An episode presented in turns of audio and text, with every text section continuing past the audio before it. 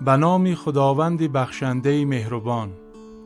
خدایا بر محمد و آل محمد درود فرست سلام علیکم و رحمت الله و برکاته.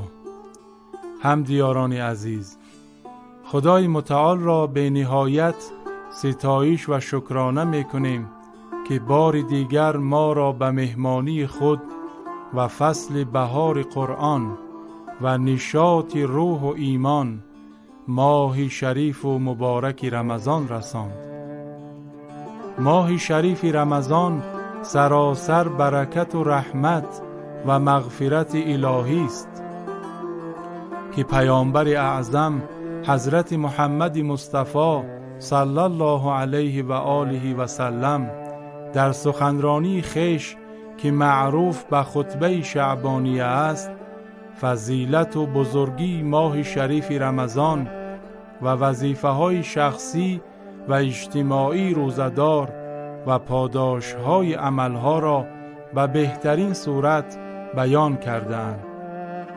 شایسته است همه ما آن را خوب فرا بگیریم و به آن خوب عمل کنیم این الله در این خطبه حضرت فرمودند که با نیتهای صادقانه و دلهای پاک از خدا بخواهید که در این ماه به شما توفیق روزداری و تلاوت کتابش قرآن کریم را عطا کند.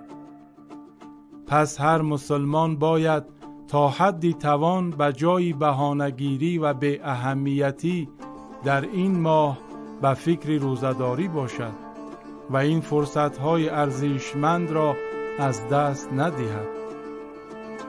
فراموش نکنیم که تلاوت یک آیه قرآن کریم در ماه شریف رمضان ثواب ختم کل آن در غیر این ماه را دارد و شب قدرش از هزار ماه بهتر است. به برکت روزه و تلاوت قرآن کریم و فضای بینظیر ماه شریف رمضان مؤمنان به کمک نیازمندان و گرفتاران می شتابند و به همدیگر مهربانی می کنند. فرارسیدن این ماه پر از خیر و برکت و رحمت و مغفرت و زیافت خدا را به همه مردم شریف مسلمان و مظلوم کشورم و همه مسلمانان جهان تبریک و تهنیت می‌گوییم امسال روزها و شبهای ماه شریف رمضان در سراسر عالم به دلیل بیماری کاوید 19 یا کرانویروس حالت غیر عادی دارد.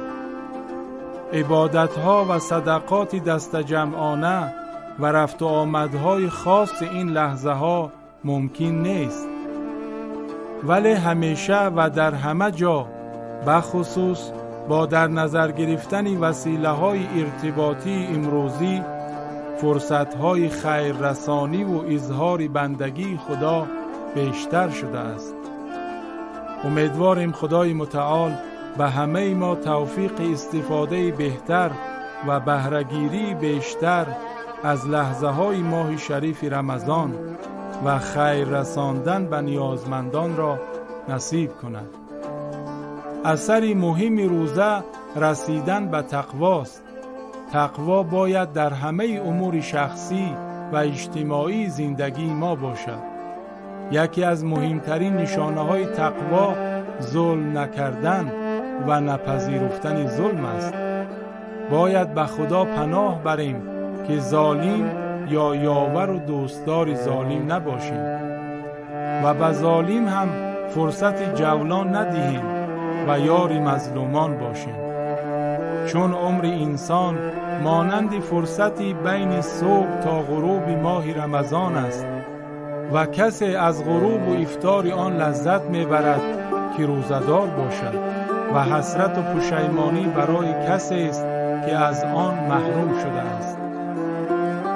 در شرایط به استقبال ماه شریف رمضان می رویم که صدها هزار فرزندان ملت در غریبی و هجرت یا پدران و مادران همسران و فرزندان و پیوندانشان در غمی غربت عزیزان در رنج و عذابی فراوانی هستند.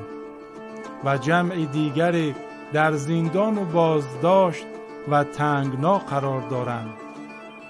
و جمع هم در چنین ایام در سال گذشته در ماه شریف رمضان به شهادت رسیدند.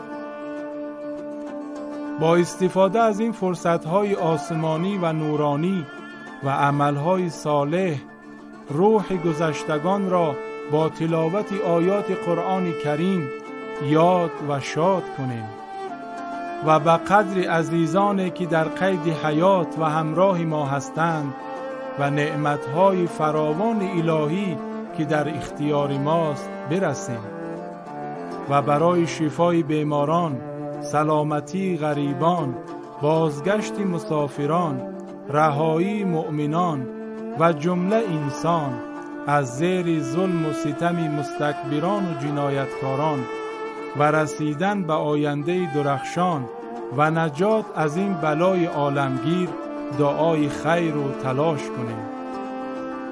خدایا به برکت ماه شریف رمضان به خصوص شب قدر آن و دعای بندگان صالح و مقربت بهترین تقدیر را برای بشریت به خصوص ملت عزیزم مقرر نما و خورشید عدالت گستر را برسان و عاقبت کار ما را به خیر و سلامت گردان. ماه شریف رمضان مبارک باد هم دیاران عزیز. و السلام علیکم و رحمت الله و برکاته.